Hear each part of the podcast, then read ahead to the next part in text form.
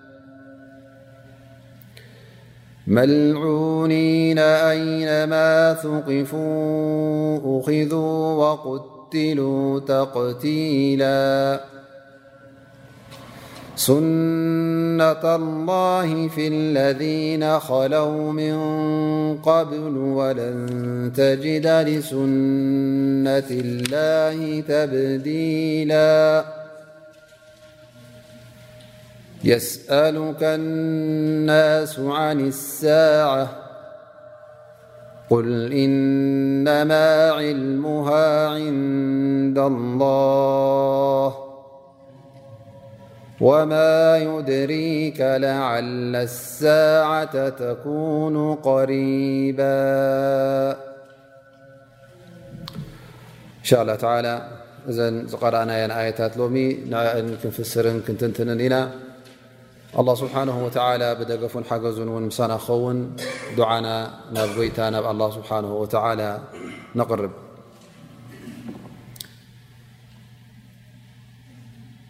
ከምቲ ኣብ ዝሓለፈ ደርሲ ናብ መጨረሻ ኣያታት ዝወሰድናየን ኣላ ስብሓን ወተላ ንነቢና ሙሓመድ ለ ላ ለ ወሰለም ዝግብኦም ክብሪ ጠቂሱልና ማለት እዩ ሓደ ካብቲ ዝዓበየ ክብሪ ንኦም እተዋህበ ኣላ ስብሓን ወተላ ኩሉ ግዜ ውድሶምን ርህራሀ የውርደሎም ከም ምኳኑ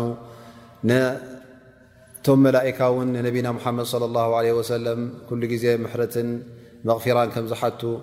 ኣብ ርእሲኡ እውን ኣላ ስብሓን ወተላ ንዓና ኣዚዙ ማለት እዩ ንነቢና ሓመድ صለ ላ ለ ወሰለም ዱዓ ክንገብረሎም ሰላት ዓለ ነቢ ንክንገብር ከም ዝግብኣና እዚ እቲ ሓደ ካብቲ ነቢና ሓመድ صለ ላ ለ ወሰለም ዝግባእ ክብርን ዝግብኦም ካባና ዋጅብና ወይ ከዓ ግዴታና ዝኾነ ማለት እዩ እዚ ኣላ ስብሓን ወተላ ጠቂሱልና ማለት እዩ ከምኡ ውን እቲ ሰላት ዓለ ነቢ ትገባብናቱ ኣብ ሰላት ይኹን ኣብ ካልእ ቦታ ኣብ ካልእ እዋን ኣብቲ ፍልይ ዝበለ ሰዓታት እተጠቕሰሉ እዋናት በቲ ሱና ነቢና ሙሓመድ ስ ላ ሰለም ዝፀናሓና እውን ገለ ካብኡ ጠቒስና ነርና ማለት እዩ ካብዚ ሓሊፉ ኣላ ስብሓን ወተዓላ እነሀ እቲ በንፃሩ እሞ ክብሪ እዩ ዝግባእ ነቢና ሓመድ ለ ለ ወሰለም ግን ኣለዉ ካልኦት እውን ንነቢና ሓመድ ለ ለ ወሰለም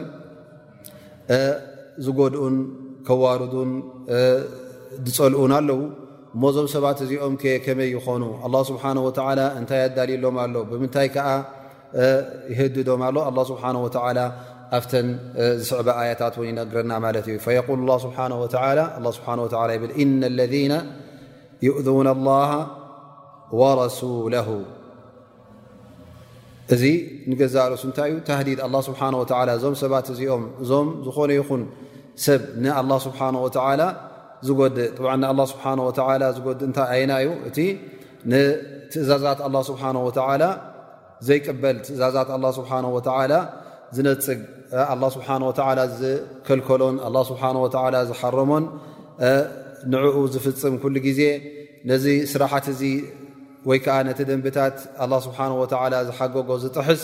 እዚ እንታይ እዩ ዝገብር ዘሎ ማለት እዩ እቲ ትእዛዝ ናይ ኣላ ስብሓን ወተዓላ ኣይዓጀበንን ወይ ከዓ ትእዛዝ ኣላ ስብሓን ወተዓላ ንዓይ ቅጭጫ ይብለንን እዩ ኣነ ካብ ኣላ ስብሓን ወተዓላ ኣይፈርህን እየ ኣላ ስብሓን ወተዓላ እንታይ ከይገብረኒ ዝብል ዓይነት ብተግባር የርኢ ስለ ዘሎ ሰዋእን እቲ ኣዝያ ክበሃል ከሎ እቲ ጉድኣት ክበሃል ከሎ ናይ መልሓስ ይኹን ናይ ተግባር ይኹን ኩሉ እቱው ይኸውን ማለት እዩ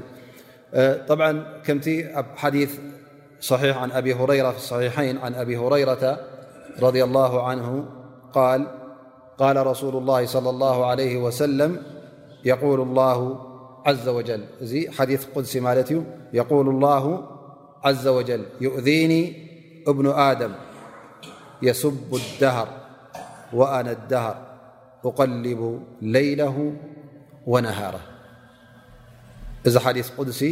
ነቢ صለ ላه ለ ወሰለም ይብሉ ኣላ ስብሓን ወተላ ከምዚ ይብል ወዲ ሰብ ንዓይ ይጎድኣኒ እዩ ክጎድኣኒ ከሎ መዓስ እዩ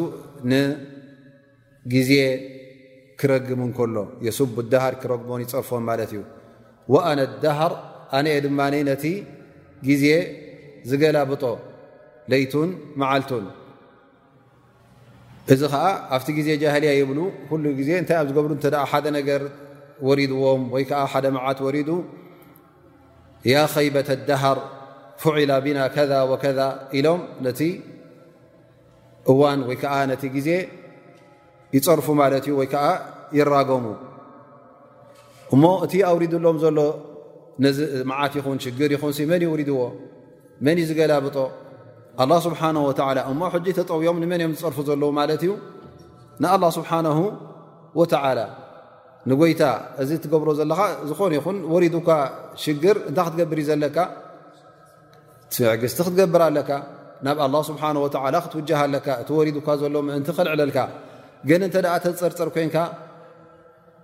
ሰዋእን ነቲ ግዜ ፀሪፍካ ኮንካ ወይ ውን ሰብሪ ስኢንካ ኣነስ እንታይ ዝገበርክዎ ነይርኒዩ ኣነስ እዚ መዓልቲ ዝወሪዱኒኢልካ እተ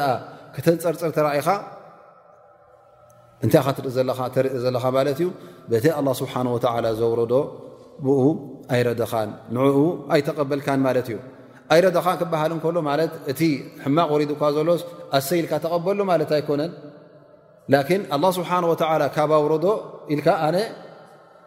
ትዕግስቲ ክገብር እየ ረቢ ድማ ክረፍ ዓለይ እንታይ ክገብር ኣለኒ ድዓ ትገብር ዝከኣለካ ናይ ምንቅስቓሳት ንጥፈታት እተደኣ ኣሎ ኮይኑ እውን ትገብር ሰበብ ትገብር ማለት እዩ እተ ኣብ ገዛኻ ሓ ኣትካ ሓ ተቓፂሉካ ሱቕ ኢልካ ኮፍ ኣይትብልን ኢኻ እዚ ወሪዱ ዘሎ ሕጂ እንታይ ክትገብር ኣለካ ማለት እዩ ቀዳማይ ነገር ንስኻ እውን ትንቀሳቐስ ኣለካ ክትሃድም ኣለካ ካብቲ ሓዊ ወይ ክተጥፍኦ ክትፍትን ኣለካ ኣብ ርእሲኡ ድማ እዚ በላ እዚ እንተ ወሪድኳ ኮይኑ ብረቢ ስለ ዝወረደካ እንታይ ትገብር ማለት እዩ ረቢ ይርፍዓለይ ወይ ከዓ ረቢ ውሪድዎ እዩ ረቢ ኣጅር ክተበለይ ኢልካ እንተ ቀፂሉ ሰብሪ ትገብር እንተ ሓሊፉ ድማ ኣላ ስብሓን ወተላ ኣጅሪ ክተበለ ኢልካ ከምዚ ጌርካ ክትፅበየ ኣለካ ላኪን እንተ እዚ ዘበን እዚ ወሪዱና ዘሎ ሕማቕ ዘበን እከይ ዘበን ኢልካ እተ ተንፀርፅር ኮይንካ እዘን እቲ ኣላ ስብሓን ወተላ ዘውርዶ ዘሎ እስኻ ጌና ኣይትረዳእካን ኣሎ ማለት እዩ እቲ ነቲ እዋናት ዝገላበጦ ዘሎ መዓትን ዘውርን ዘሎ ሽግር ዘውር ኣብ ኢድመን ከም ዘሎ ጌና ኣይፈለጥካን ኣለኻ ማለት እዩ ወዲ ሰብ ኩሉ ግዜ ብመን ይክእሰር ዘለዎ ብኣላ ስብሓን ወተላ ኩሉ መክሩህ ይኹን ፀልኦ ነገር ይኹን ዘይትፈትዎ ነገር ዝኾነ ይኹን ዓይነት ሙሲባ ክወርደካ ከሎ ዝኾነ ይኹን ዓይነት መዓት ክወርደካ ከሎ መጀመርያ ናብ መን ክትውጃሃ ኣለካ ማለት እዩ ናይ መን ከም ምኳኑ ዚ ክትፈልጥ ኣለካ ብኣላ ስብሓን ወተላ ምክንያቱ እዚ ዓለም እዚ ብምሉኡ ኣብ ትሕቲ ቁፅፅር ናይ መን እዩ ኣላ ስብሓን ወተላ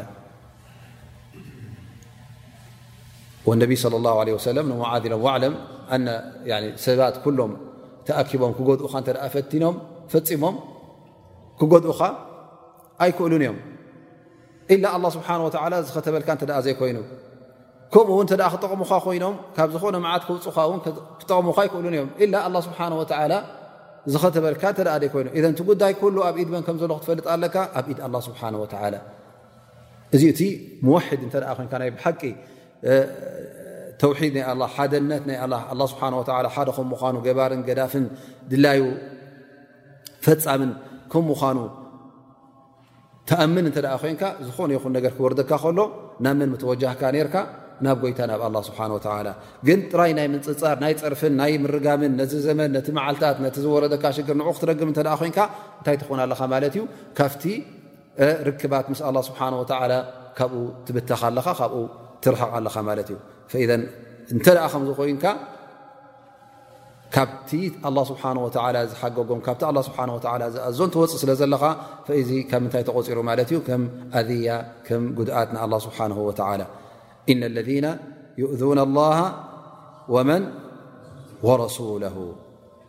ዩእذነ ረሱል صለ ላሁ ለ ወሰለም እቲ ንኣዝያ ንረሱል ስ ሰለም ዝበሃል እውን ዝኾነ ይኹን ኣንፃር ነቢና ሙሓመድ ለ ላ ለ ወሰለም ዝግበር ማለት እዩ ኣብ ነብሶም ክትጎድኦም ይኹን ኣብ ስድሮኦም ክትጎድኦም እተ ኮንካ ብመልሓስካ ይኹን ብተግባርካ ይኹን እዚ ኩሉ እቱ ይኸውን ማለት እዩ ኣን ላ ስብሓን ወተላ ኣዝያ ኢሉ ጠቂስዎ ማለት እዩ ዝኾነ ይኹን ኩሉ ጉድኣት ኣትዎ ጥራይ ናይ ማህረምቲ ወይ ከዓ ናይ ምቕታል ናይ ምፍታን ምቕታል ናይ ሕማቕ ነገር ነቢ ስ ሰለም ጥራይ ምግባር ኣይኮነን እንታይ ደኣ ምስኡ እንታይ እውት ማለት እዩ ወላ እውን ነቶም ቤተሰቦም እንተ ደኣ ብሕማቕ ትጠቅስ ኣለኻ እዚ ንመን ኣዝያ እዩ ንነቢ ለ ላ ለ ሰለም ከምቲ ትዝክርዎ እውን ኣብ ቅሶት እፍክ እነቢ ለ ላ ለ ሰለም ካብቲ ዝጠቐስዎ መን ሊ ብረጅል ኢሎም ዩእኒ ፊ ኣህሊ ብስድራ ኣብቲ ቤተሰበይ ብኡ እና ተዛረበ ንዓይ ይጎድኣኒ ኢሎም ማለት እዩ ኣን እዚ ጉድኣት ንመን እዩ ነቢ ሓመድ ለ ላ ለ ወሰለም ኩሉ እቲ ንነቢና ሓመድ ለ ላ ለ ወሰለም ዝጎድእ ብሕማቕ ምጥቃስ ይኹን እቲ ቀደም ዝብልዎ ዝነበሩ እቶም ሙሽርኪን ጠንቋላይ ሳሕር ፅሉል ሻዕር ዝብልዎ ዝነበሩ ገጣሚ ዝብልዎ ዝነበሩ እዚ ኩሉ ሕጂ እቱ ይኸውን ማለት እዩ ብድሕሪኡ እውን እቶም ሙናፍቒን እውን ዝብልዎ ዝነበሩ ነቢና ሓመድ ስ ሰለም ዝላገፅሎም ዝነበሩ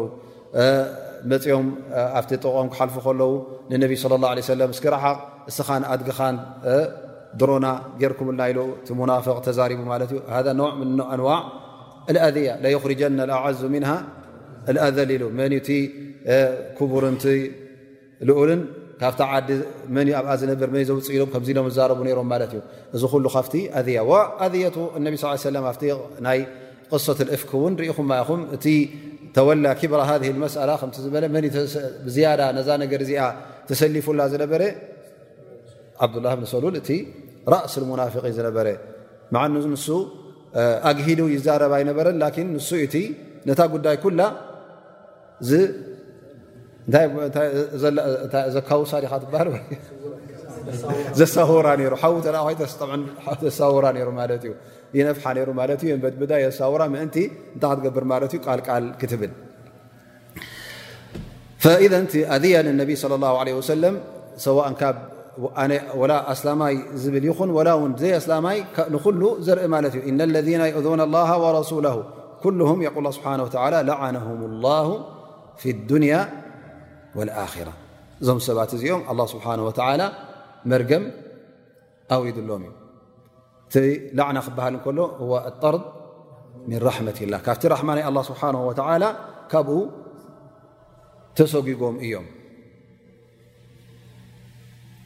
ፊዱንያ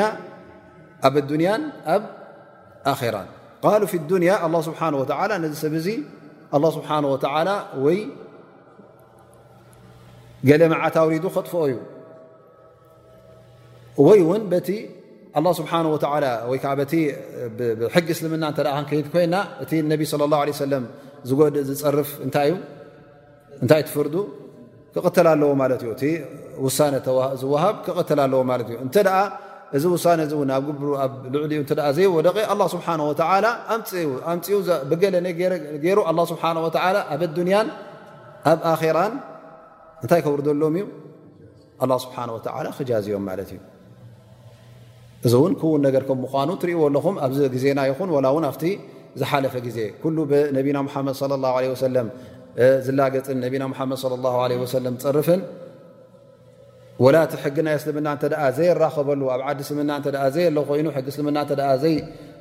ኣሎ ኮይኑ ብዝኾነ ኮይኑ ኣላ ስብሓን ወተዓላ ሕነ ናይ እቲ ነቢ ናቱ ይፈዲ ማለት እዩ ኣብ ኣዱንያ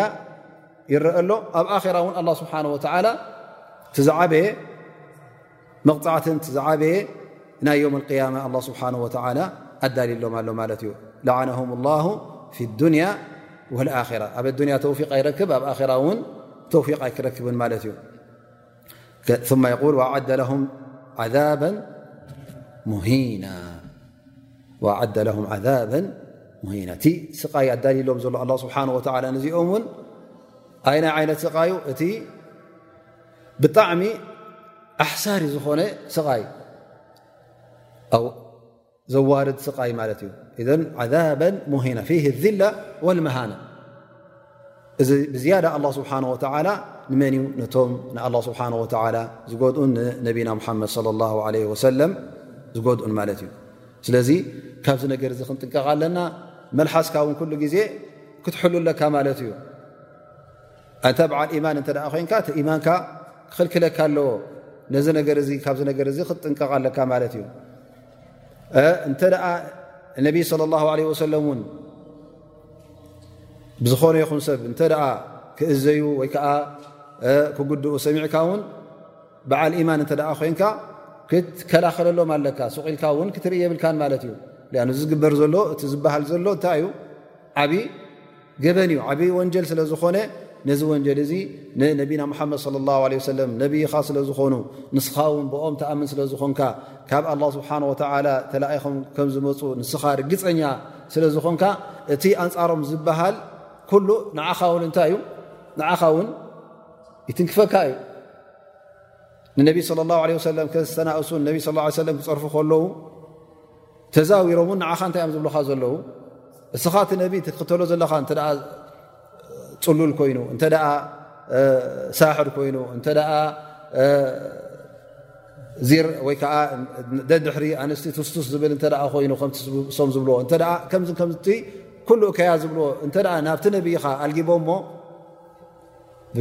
ምንባብ ኣውላ እስኻ እንታይ ክትከውን ኢኻ ከምኡ እንተዘይኮንካ ካብኡ ዝኸፍእካ ኢኻ ማለት እዩ ፈኢዘ ንስኻ ናይ ግድን ክትከላኸለሎም ኣለካ ንመን ንነቢና ሓመድ ለ ላ ለ ወሰለም እቲ ኣንፃሮም ዝበሃል ኣንፃርቲ ዲንካ እዩ ዝበሃል ዘሎ ማለት እዩ ኣንፃርቲ እምነትካ ንኦም ዝተናእሱን ንኦም ክፀልሙን እንከለዉ ነቲ ዲንካ የፀልሙን ነቲ ዲንካ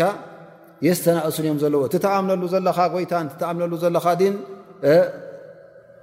ዋጋ ከምዘይብሉ እዮም ዝብሉኻ ዋጋ ከምዘይብሉ እዮም ዝጠቕሱ ዘለዎ ማለት እዩ ስለዚ እቲ ዝበሃል ንዓኻ ውን ትንክፈካ ስለ ዝኾነ ብዝከኣለካ መጠን ክትከላኸለሎም ኣለካ ማለት እዩ በቲ ሕጋዊ ዝኾነ በቲ ረቢ ዝሓበረካ ማለት እዩ ث የقል ه ስብሓه ወላ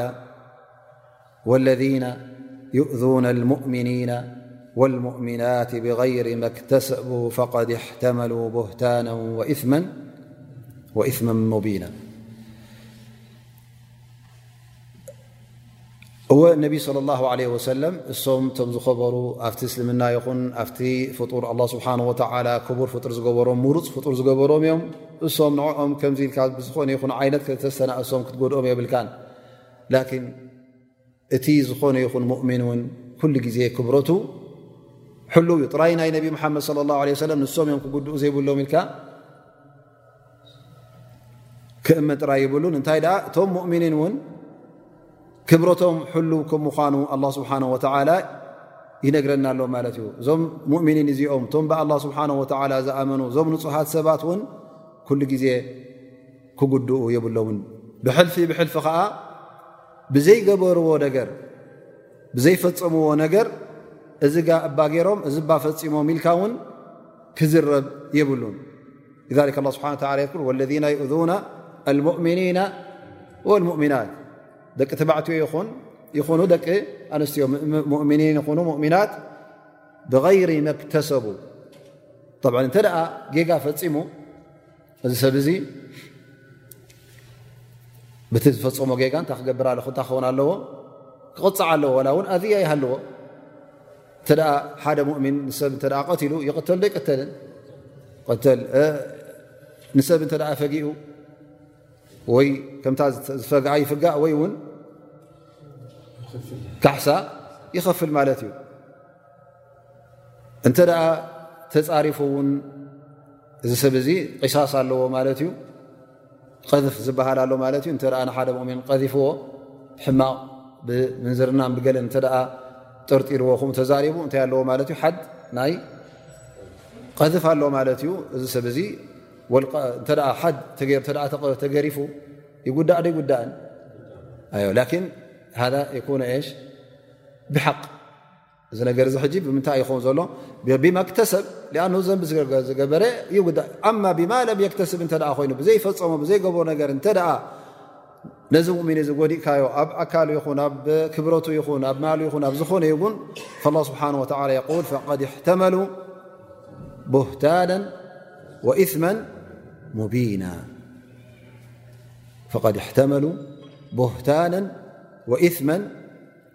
مبينا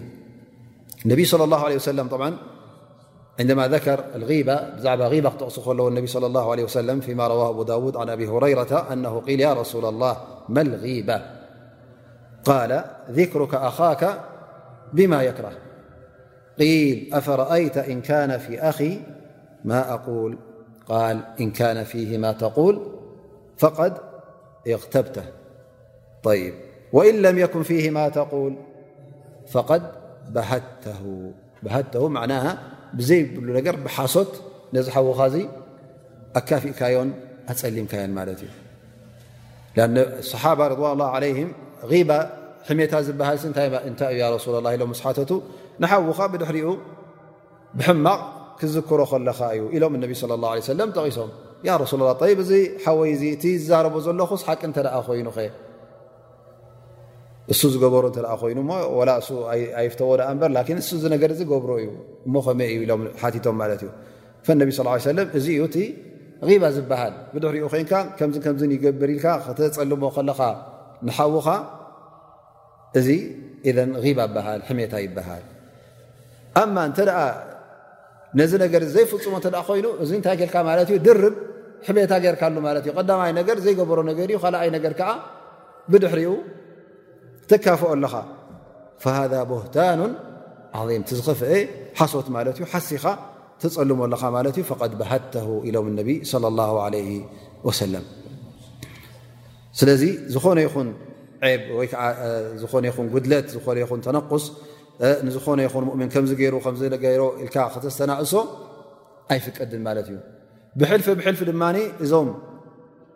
ተስተናእሶም ዘለኻ እቶም ኣስሓብ ነቢ ረضዋን ላ ለይም እሶም ክኾኑ ከለዉ ሕጂ ዝዓበየ ዘንቢ ይኸውን ማለት እዩ ስብሓه ረض ላ ኣንሳር ሙሃጅሪን እቶም ኣንሳር ቶም ሙሃጅሪን እቶም ካብ መካ ንመዲና ዝፈለሱ እቶም ኣብ መዲና ዝነበሩ ነቶም ኣስላም እተቐበሉ ኣላ ስብሓን ወተዓላ ብፅቡቕ ጠቒስዎም እዩ ፈትየልኩም ኢልዎም እዩ ረድ ላሁ ዓንሁም ወረዱ ዓን ንስኻ ሕጂ መፅእካ ንዕኦም ክትፀርፍ ወይ ከዓ ንዕኦም ከተስተናእስ ከለኻ ብዘይ ፈፀምዎ ነገራት እውን ከተፀልም ከለኻ እዚ እቲ ዝዓበየ ቡህታን ይኸውን ማለት እዩ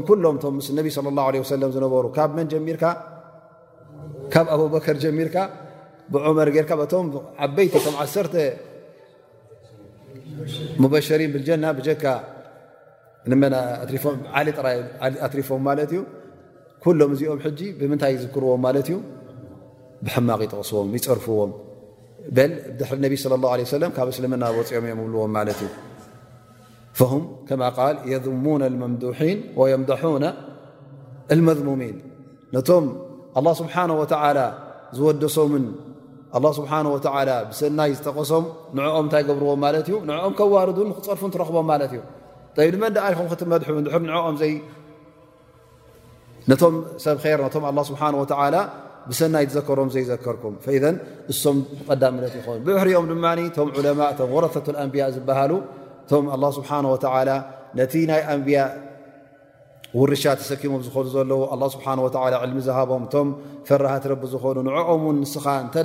ተስተናእስ ብሕማቕ ትዛረብ ኣለኻ ኮይንካ እዚኦም ድማ ትዝዓበየ ይኸፍእ ማለት እዩ ኮታ ኩሉ እስላማይ እት እዩ ኩሉ ሙእሚን እት እዩ ላኪን ኩሉ ግዜ ምስቲ ሸርዒ ርክብ ዘለዎም እቶም ኣስሓብ ነቢ ለ ላ ሰለም እቶም ካብ ነቢና ሙሓመድ ለ ላ ለ ወሰለም እቲ ዕልሚ ኩሉ ክሰጋገር እንከሎ እሶም እዮም ተቐቢሎሞ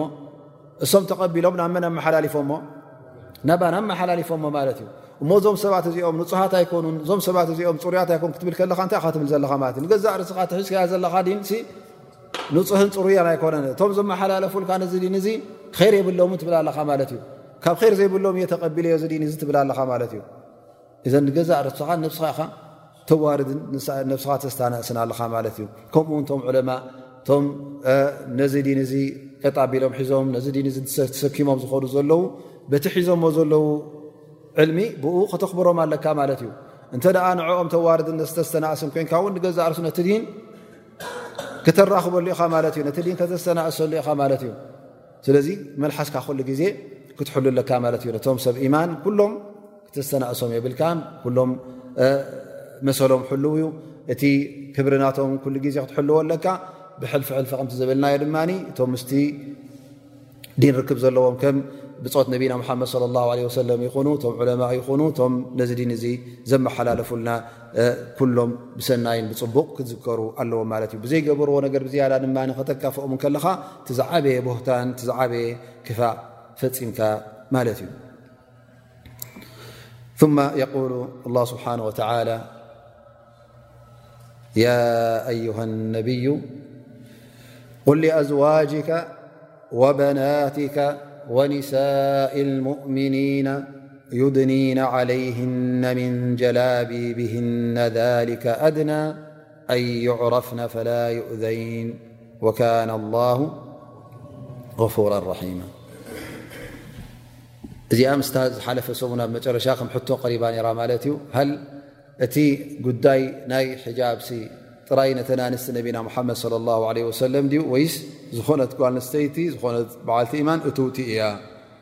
ኢላ ሕቶ ቀሪባ ነራ ማለት እዩ ጠባን ኣብታ ዝሓለፈ ደርሲ ዝወሰድናያ ፍልያ ቢላ ንመን እያ ጠቒሳ ማለት እዩ ነተን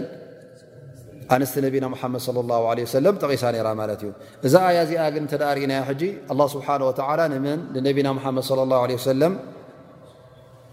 ፃውዒት ኣመሓላሊፉ እዚ ፃውዒት እዚ እንታይ እዩ ነቢ صለ ላه ለ ሰለም ንመን ንኣንስቶምን ንደቆምን ንኣንስቲ ሙእምኒን ኩሉ እንታይ ክብልዎ ተኣዚዞም ማለት እዩ ዩድኒና ዓለይህና ምን ጀላቢብና እዚ ትእዛዝ እዩ ቀዳማይ ነገር ንነቢና ሙሓመድ ለ ላ ለ ሰለም እዚ ትእዛዝ እዚ ተቐቢሎም ናብ መን ከመሓላልፍዎ ናብቶም ኣንስቶም ኣመረ ኒሳእ ልሙእሚናት ከምኡ እውን ኣዝዋጅ እነቢ ለ ላ ለ ሰለም በደኣ ቢልኻስ በተን ፍልይ ዝበላ ዘን ዝቐረባ ናብ ነቢና ሙሓመድ ለ ላ ሰለም ዝያዳ ክብሪ ስለ ዘለዎን ብአን ተጠቒሱ ማለት እዩ ኣዝዋጅ ነቢ ወበናት እዩ ኣንስቶምን ደቆምን ማለት እዩ ኩሉ ግዜ ድማ እቲ ትእዛዝ በቲ ዝእዝ ዘሎ ክመሓላለፍ እከሎ ወይ ከዓ መጀመርያ ንሱ ክፍፅሞ ከሎ ዳሕራይ ናብቶም ካልኦት ክመሓላለፍ ከሎ እንታይ ይረክብ ዝያዳ ማለት እዩ ተጥቢቕ ዝያዳ ኣብ ግብሪ ንኸተውዕሎ እውን ትግደድ ማለት እዩ ላ ስብሓን ወላ በተን ኣንስተ ነቢና ሓመድ ስ ሰለም ቁ ኣዋዋጅካ ማለት ተን ኣንስቶም ማለት እዩ ወበናትካ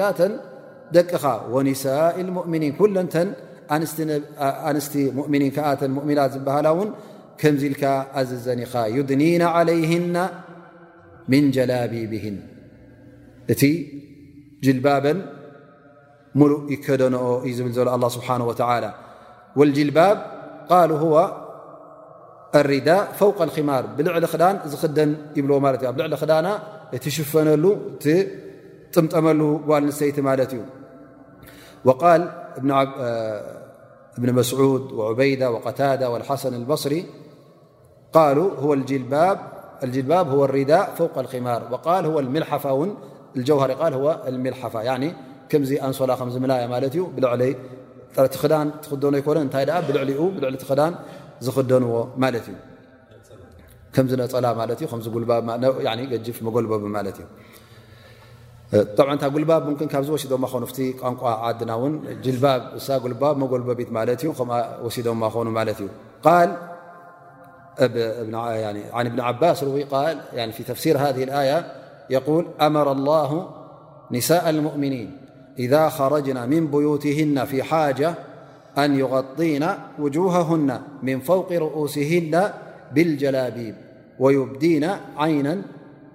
ዋዳ ሙሉእ ነፍሳ ተሸፊና ክትወፅእ እዩ ኣ ስብሓ ወ ዝእዛ ዘሎ ሙሉእ ኣካላታ ሸፊና ሓንቲ ዓይና ውፅኣ ብኣ ናረኣየት ንክትከይድ ተኣዚዛ ይብል ማለት እዩ መን እዚ ናይ ቆል እብኒ ዓባስ ማለት እዩ ፈዩድኒና ዓለይህነ ምን ጀላቢብህና ብምሉእ ንምሉእ ንእስውነታ ንምሉእ ክዳና ንምሉእ ኣካላታ ዝሽፍን ክኸውን ኣለዎ ጠብዓ ዑለማ ብዛዕባ ናይ ሕጃብ ክጠቕሱ ከለዉ ሕጂ እቲ ሽሩጥ ጠቒሶም ማለት እዩ እንታይ ዓይነት ክኸውን ኣለዎ ጠ ናይ ሕብሪ ብዘየገድስ ዓይነት ናይ ሕብሪ ጠቐሱን ላኪን እንታይ ኢሎም ሰሓቢ ወይ ከዓ ንሰብ ዝስሕብ ሕብሪ ክኸውን የብሉን ኣብ ርእሲኡ እውን ነቲ ኣካላትካ ዝፈላሊ ፀቢብ ማለት እዩ ፀቢብ ኮይኑስ ነቲ ኣካላት ዝፈላሊ ክኸውን የብሉን ወይ ከዓ ረቂቕ ኮይኑ እውን ነቲ ትሕቲኡ ዘሎ ዘርኢ ክኸውን የብሉን ምክንያቱ እንታይ እዩ ዘድሊ ዘሎ ተሸፈን እተ ዝበሃል ኣሎ ኮይኑ እተ እቲ ድሕሪኡ ዘሎ ትሪኦ እተ ኮይንካ ሃልጠቂሙቲ ምሽፋን ኣይጠቐመን ማለት እዩ ስለዚ እቲ መከላኸሊ ክኸውን ዘለዎ ንምንታይ እዩ ንገዛእ ርእሱ ንኸይትረአ ኢዩ ተተኣዚዛ ዘሎ ማለት እዩ ኣን እቲ ኣያ ዝበሃል ንገዛእ ርእሱ ኣላ ስብሓን ወተላ ኣብቲ ቀዳማይ ዝጠቐሰልና ኣያ እውን እነ ለذና ይእذነ ልሙእምኒና ወልሙእሚናት ኢሉ ሓደ ካብቲ ንኸይ ጉዳኣ እውን ኣላ ስብሓን ወተላ ዝሸረዓለን እንታይ እዩ ዘን ሰባት እዚአ እንታይ ክገብራ ሕጃብ ንክገብራ ማለት እዩ ምክንያቱ እዚ ንገዛእ ርእሱ ንዐአን ሓለዋ እዩ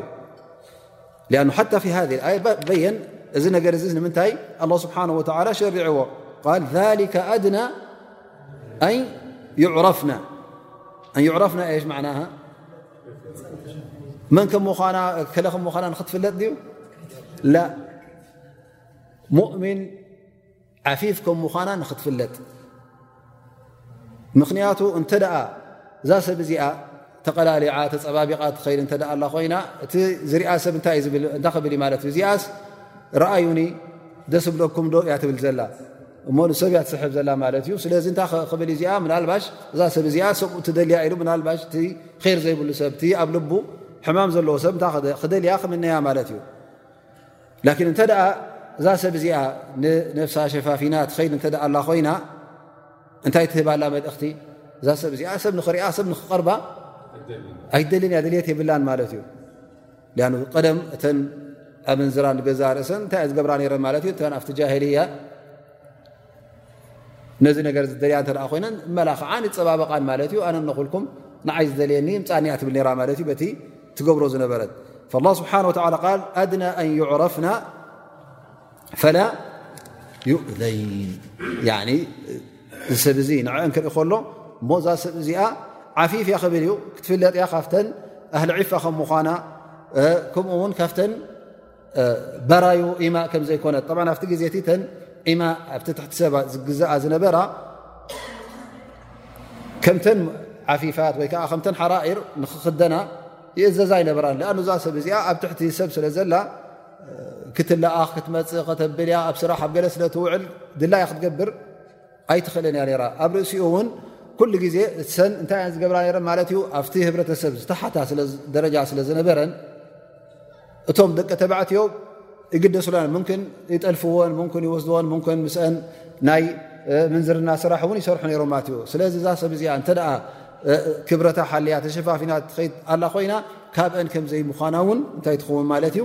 ትልለ ማለት እዩ እዘን ንክልለያ ማለት እዩ ኣድና ኣን ይዕረፍና ተለ እንታይ ከም ምዃነን ሙእሚናት ከም ምዃነን ዓፋኢፍ ከም ምዃነን ክቡራት ከም ምዃነን ናይ ምንዝርና ናይ ካልእ ስራሕ ዘይብል ዝደልያ ከም ዘይኮና ከምኡውን ካብተን ሓራኢር ካብተን ናፃ ዝኾና ካብተን ጭዋታት ዝኾና ከም ምዃና ንኽትፍለጥ ማለት እዩ ኩሉ ግዜ ሓታ ኣብቲ ዓድና ጭዋ ክበሃል እንከሎ እንታይ ማለት እዩ ካብቲ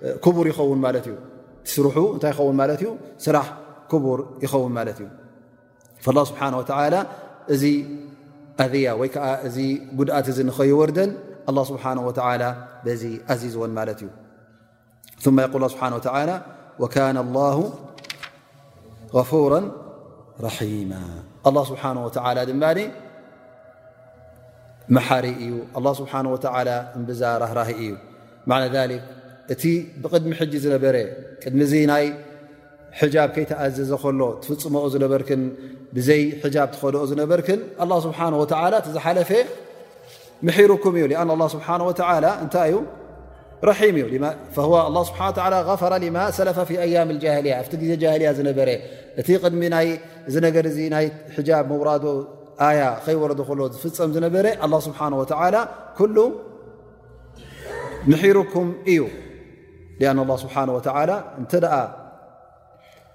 ክሓተካ ኮይኑ ብሓደ ትእዛዝ ጌና ከይኣዘዘካ ከሎን ጌና ከይእብርሃልካ ከሎ ኣላ ስብሓን ወተዓላ ላ ይኣኪዱ በዚ ነገር እዚ ኣላ ስብሓን ወተዓላ ኣይሕዘካን እዩ በል ህዋ غፉሩን ነዚ ነገር እዚ ይምሕረካ ወህወ ራሒም ኣላ ስብሓን ወተዓላ እውን እምብዛ ራህራህ እዩ ሊኣን ራሒም ስለ ዝኾነ እውን ኣላ ስብሓን ወተዓላ ነዚ ሸርዒ ውሪዱልና ራሒም ስለ ዝኾነ በቲ ቅድሚ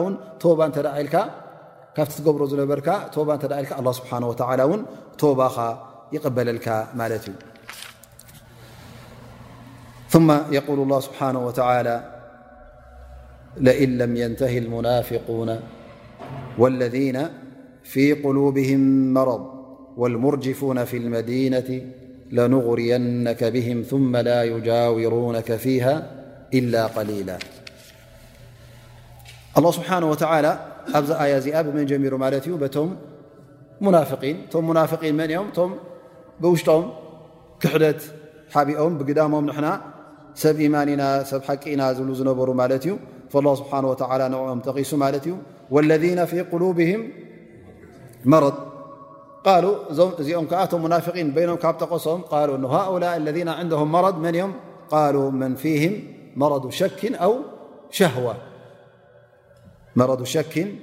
ኣው ሸህዋ ፈሰረ ዕክሪማ ውን እዞም ፊ ቁሉብህም መረድ መን ኢሉ እቶም ናይ ምንዝርና ድልት ዘለዎም ን ላ ስብሓ ወ ናይ ሕጃብ ስለ ዝጠቐሰፍቲ መጀመርያ ሕጂ ንመን ጠቅስ ኣሎ ማለት እቶም ኣብ ልቦም ነዚ ሕማቕ ነገራት እዚ ድልት ዘለዎም ንዕኦም ኣላ ስብሓን ወተላ የጠንቅቓ ኣለዎ ማለት እዩ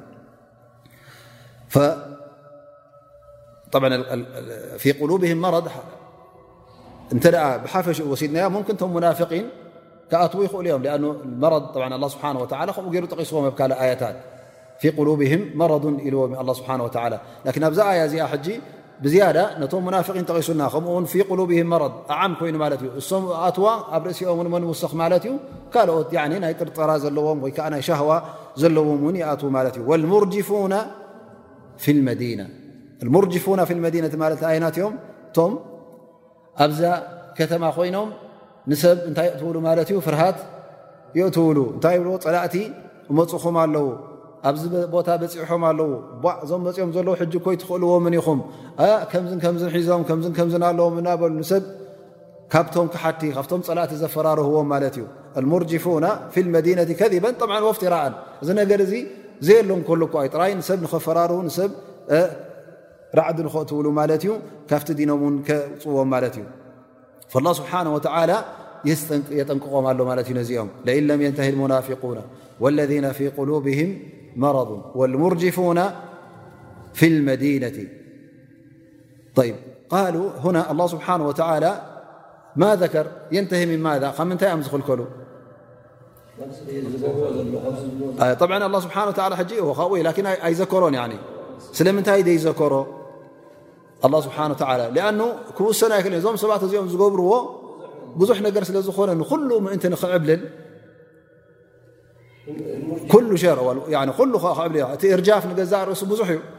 እርጃፍ ፕሮፓጋንዳ ኣሎ ብመልሓስ ኣሎ ብተግባር ኣሎ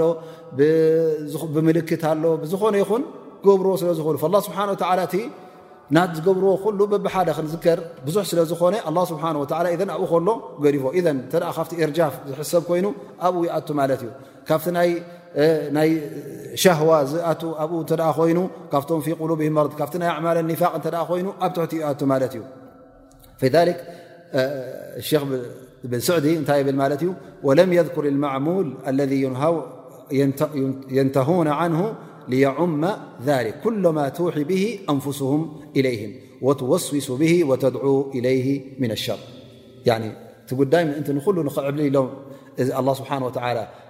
እቲ ነብሶም ዝነግሮም እቲ ዝብልዎ እቲ ዝገብርዎ ንኩሉ ንእስልምና ንምፅራፍ ይኹን ወይ ከዓ ኤርጃፍ ምፍርራህ ዝገብርዎ ይኹን እቲ ንፀላኢ ሓበሬታ ምሃብ ይኹን ዝኾነ ይኹን ኣብ ትሕቲኡ ምእንቲ ክኣቱ ኣ ስብሓ እቲ ኩሉ ማእስያታት ምእንቲ ክጠምር ኣ ስብሓ ወላ እቲ ዝገብርዎ ነገራት ኣይጠቐሰልና ጥራይ ካብቲ ዝገብርዎ ዘለዉ ኩሉ ክኽልከሉ ኣለዎ እተዘይተኸልከሉ ኣ ስብሓ ወላ ይብለ ንغርየነካ ብሂም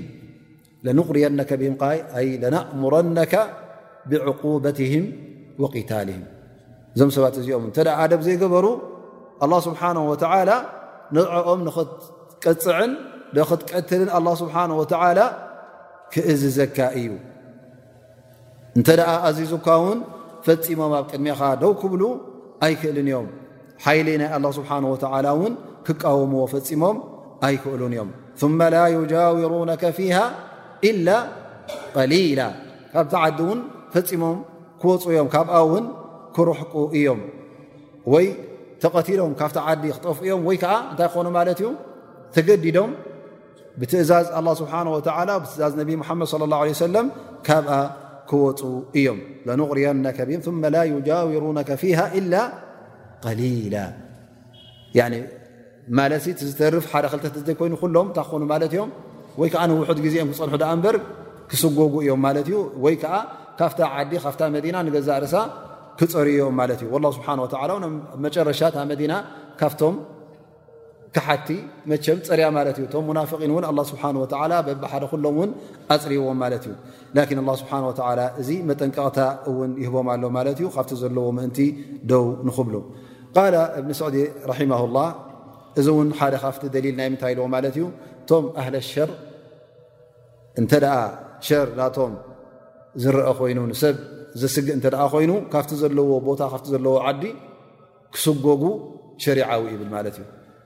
ምክንያቱ እዞም ሰባት እዚኦም ብልሽ ትፍፅሙ ስለ ዘሎ ቲ ቦታ ክርሕቁ ኣለዎም ነቲ ህብረተሰብ ምእንቲ ከየበላሽ ፈኢነ ሊከ ኣሕሰሙ ልሸር ኣብዓድ ምን ማ የቁል ስብሓ ወላ እዞም ሰባት እዚኦም እዞም ከምዚ ዓይነት ዝፍፅሙ እዚ እቲ ናይ ኣዱንያ ማለት እዩ ኣላ ስብሓን ወተላ መቕፃዕቲ በዱንያዊ ኣብ ርእሲኡ እውን ቀሊላ ላ ኢላ ቀሊላ ማሕዱድ ቀሊላ ናብ ክልተ ክንወስዶ ንኽእል ቀሊላ ንውሱን ግዜ ድሕሪ ሕጂ ብዙሕ ኣይትፀንሑን እዮም እተደኣ ዘይተጠንቀቑ ላ ስብሓን ወተላ ቀልጢፉ ነዞም ሰባት እዚኦም ከጥፍኦም ማለት እዩ ኣብ ቀሊላ ክበሃል እንከሎ ካብኦም ዝተርፉ ውሑዳት ክኾኑ እዮም ክልቲኡ ወይ ከዓ ኣብ ግዜ ክኸውን ይኽእል ማለት እዩ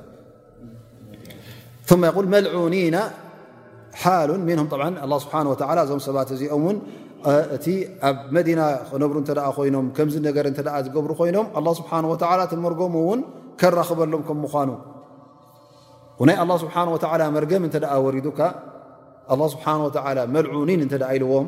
ካብኡ ዝኸፍእ ኣሎ ይኽዋን ፈፂሙ ዝኸፍእ የለን እቲ ናይ ኣላ ስብሓን ወተዓላ ላዕና ጥራይ ሰብ ረጊምዎም ኣይኮነን በ ላ ስብሓን ወተላ ያሕኩም ዓለይህም ብኣነሁም መልዑኒን ሓለ ከውንህም እዞም ሰባት እዚኦም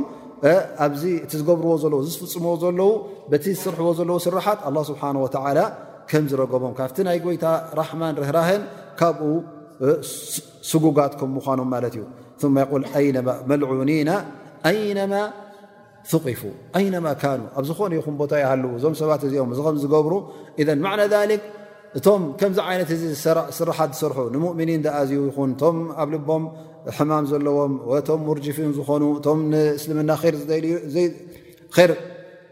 ዘይደልዩሉ ኣላ ስብሓን ወተዓላ እዞም ሰባት እዚኦም ከም ዝረጎሞም እዩ ዘርእየና ዘሎ ማለት እዩ ኣይነማ ثቂፉ ኣይነማ ውጅዱ ኪዙ ወቁትሉ ተቕቲላ ኣላ ስብሓን ወተዓላ እዞም ከምዚ ዓይነት እዚ ዝፍፅሙ እቲ ዝገብርዎ ዘለዉ ኩናት ኣንፃር እስልምናን ኣንፃር ሓቅን ስለ ዝኾነ ኣላ ስብሓን ወተዓላ እዞም ሰባት እዚኦም ተጋግዮም መገዲ ስሒቶም ከም ዘለዎ ይርእና ኣሎ ማለት እዩ ኣብ ርእሲኡ እውን ናይ ኣላ ስብሓን ወተዓላ መርገም ይወርዶም ናይ ኣላ ስብሓን ወተዓላ መቕፃዕቲ እውን ክወርዶም እዩ እቲ ላዕና ክበሃል እንከሎ ኣብ ኣዱንያ ንገዛእ ርእሱ ኣላ ስብሓን ወተዓላ ወይ ዝኾነ ይኹን ዓይነት መዓት ከውርደልካ ይኽእል ማለት እዩ እዚ መዓት እዚ ወይ ጠቢ ናይ ኣላ ስብሓን ወተዓላ ብክእለቱ ዘውርዶ ሰብ ናይ ኢድ ሰብ ዘይኣተወ ክኸውን ይኽእል እዩ ወይ እውን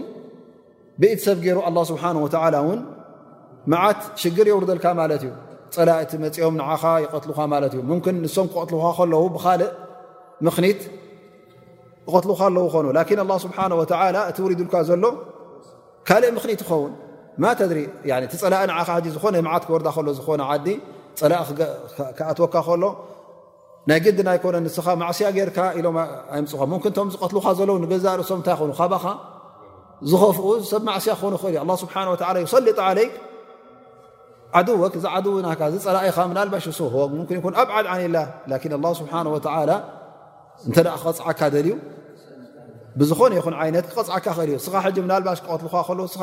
ማለይ ደልዮም ወይ ከዓ ንብረተይ ደልዮም ወይ ከዓ ንዓዲ ክሕዝዋ ደልዮም ትብል እስኻ ብትሶም ዝብልዎ ላኪን ላ ተድሪ እዚ ዝወርደካ ዘሎ ብማእስያኻ ከም ምዃኑ ረስዕካ ትኸውን ስለዚ እቲ ሙእሚን ኩሉ ግዜ ድማ ዝኾነ ይኹን መዓት ሽግር ክወርዶ ከሎ ናይ መቕትልቲ ይኹን ናይ ጥምት ይኹን ናይ ካልእ ነገር ይኹን ኩሉ ግዜ ናብ ምንታይ ክምለስ ኣለዎ ማለት እዩ ናብ ነብሱ ተመሊሱ ኣነ ዝገበርክዎ ጌጋ እንታይ ኣሎ እዩ ኣላ ስብሓን ወተላ እዚ ኣውሪዱለይ ዘሎስ ናይ ግድን ዝገበርክዎ ጌጋ ክህሉ ኣለዎ ኢልካ ነብስኻ መጀመርያ ክትሓታ ኣለካ ማለት እዩ ጥራይ እቲ ርኡይ ዝኾነ ምኽኒት ናይ ኣዱንያ ምኽኒት ወይከዓ እቲ ብድዕ ዝረአ ዘሎ ናብኡ ጥራይ ክተባህል የብልካ እነማ ኣብቲ ነብስኻ ዘሎ ጉድለት ኣብቲ ነብስኻ ዘሎ ሕፅረት ክትርኢ ኣለካ ማለት እዩ ኣብ غዝወት ሑድ እተ ርእና ቶም ነቢ صለ ላه ለ ወሰለም ኣብታ ንእሽተይ ታባ ኣብኣ ኮፍ በሉ ካብኣ ይትንቀሳቀሱ ኢልዎም ንሶም ዓወት ኮይኑ ዩ ላስ ተጨሪሱ ኢሎም ምስ ትበገሱ ፀላኢ ብምንታይ መፅዎም ማለት እዩ ብድሕሪት መፅኡ መቕተልቲ ተረኪቡ ማለት እዩ እዚ መቕተልቲ ተረከበ ሕጂ ቶም ክሓቲ ከመይ ገሮም እዮም ክርእዎ ቶም ሙሽርኪን ከመይ ገሮም ርእዎ ማለት እዩ እቲኦም ስለ ዝኾኑ ንሕና ሒዝናዮ ክብሉ ኦም ማለት እዩ ላን እቲ ሙእሚን ኣ ስብሓ ወላ ብምንታይ ኣርእዎም ማለት እዩ ማእስያ ስለ ዝገበሩ እዩ ዝነገር እዚ ተረኪቡ ኣ ዞም ሰባት እዚኦም ከምቲ ነቢ ለ ላ ሰለም ዝኣዘዞም ኣብታ ቦታ ቀጥ ኢሎም ሮም እተዝኾኑ ኣላ ስብሓን ወላ መዐወቶም ላን ነቲ ትእዛዝ ናይ ነቢና ሓመድ ስ ምስ ጠሓሱ እንታይ ኮይና ማለት እዩ እታ ሞት እታ መቕተልቲ ኣብዛ ኩናት እዚኣ ተረኺባ ማለት እዩ ስለዚ እቲ ሙእምን ክሓስብ እንከሎ ምስቲ ኢማኑ ኣተኣሳሲሩ ነቲ ጉዳይ ክሪኦ ኣለዎ ኣማ እቲ ናይ ክሓድ እንተ ኮይኑ ምስ ኣላ ስብሓን ወላ ዘራኽቡ ነገር ስለ ዘይብሉ ኩሉ ግዜ ብምንታይ ክሓስብ ማለት እዩ ጥራይ በቲ ናይ ኣዱንያ ነገር እዚኣ ከምዚኣ ተገበርካ ከምዚኣ ተገበርካያ ላን እቲ ኣስባብ እውን ንሕና ኩሉ ግዜ ኣይንርስዖ ኢና ኩሉ ግዜ በቲ ኣስባብ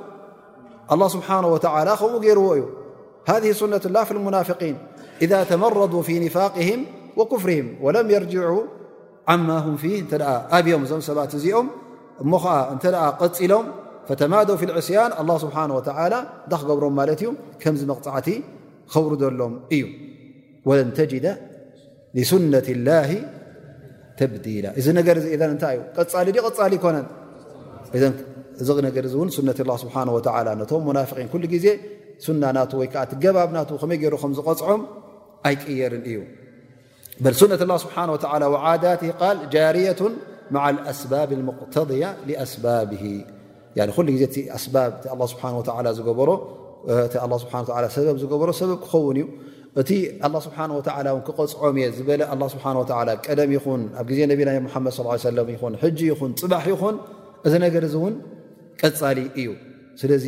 ኣንታ ብዓል ኢማን ኣላ ስብሓን ወተላ ኩሉ ግዜ ምሳኻ ከም ምዃኑ ጥራይ ኣብ ግዜ ነቢና ሓመድ ስ ሰለ ኣይኮነን ምስቶም ሙእምኒን ነይሩ ጥራይ ኣብ ግዜ ሰይድና ኖሕ ወይ ከዓ ኣብቶም ቀዳሞት ኣይኮነን ነይሩ ኣላ ስብሓን ወተላ ኩሉ ግዜ ካብቶም ሙናፊቒን ካብቶም ክፉኣት ካብቶም ርጉማት እውን ክሕልወካ እዩ ጥራይ ንስኻ እቲ ኢማንካ ናይ ብሓቂ ኢማን ክኸውን ኣለዎ እቲ ዓወት ናይ ኣላ ስብሓን ወተላ ክወርደካን ክትረኽቦን እተ ኮንካ እበር ኣ ስብሓ እዞም ሙናፍቒን እዚኦም እዞም ሙርጅፊን ዝበሃሉ እዞም እከይ ገበርቲ እዞም ኣብ ልቦም ሕማምን ኣብ ልቦም ጥርጥራን ኣብ ልቦም ክፍኣትን ዘለዎም ሰባት ኣ ስብሓ መልዑኒን ፊ ዱንያ ወኣራ ካብ በሎም ኣብ ኣዱንያ ናብ ኣራ እተ እዞም ሰባት እዚኦም ካብቲ ራሕማ ስብሓ ስጉጓት ኢልዎም እዩ ስለዚ እዚ ምስጓግ እዙ ጥራይ ኣብቶም ኣብ ግዜ ነቢና ሙሓመድ ስ ሰለም ዝነበሩ ሙናፍቒን ኣይኮነን እንታይ ደኣ ወላ ኣብዚ ግዜና እውን እቶም ሙናፍቒን ምናልባሽ ኣብ ገለገለ እዋናት ሓይሊ ይረኽቡ ይኹኑ ኣብ ገለገለ ግዜያት እውን ዕድል ይረኽቡ ይኹኑ ኣብ ገለገዘ ዓድታት እዚ ዕድል እውን ይከፈተሎም ዳኣ እምበር ኣብ መጨረሻ ግን ኣላ ስብሓን ወተላ እዞም ሰባት እዚኦም ክቐትፎምን ክቐትሎምን ከጥፍኦምን ከም ምኳኑ ኣላ ስብሓን ወተላ ይሕብረና ኣሎ ማለት እዩ ሃ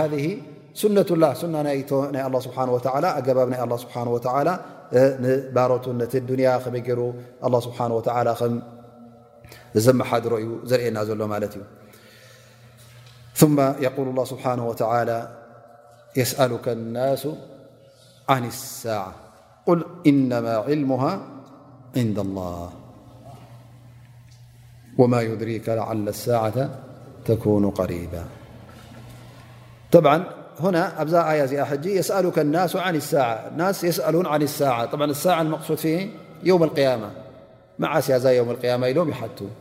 ጠብዓ ክሓቱ ከለዉ ሕጂ ክንደይ ዓይነት እዮም እዞም ሰባት እዚኦም ሰለስተ ዓይነት ክንብሎም ንኽእል ማለት እዩ ሓደ ኦም ገሊኦም ክሓቱ ከለዉ ስለምንታይ እዮም ዝሓቱ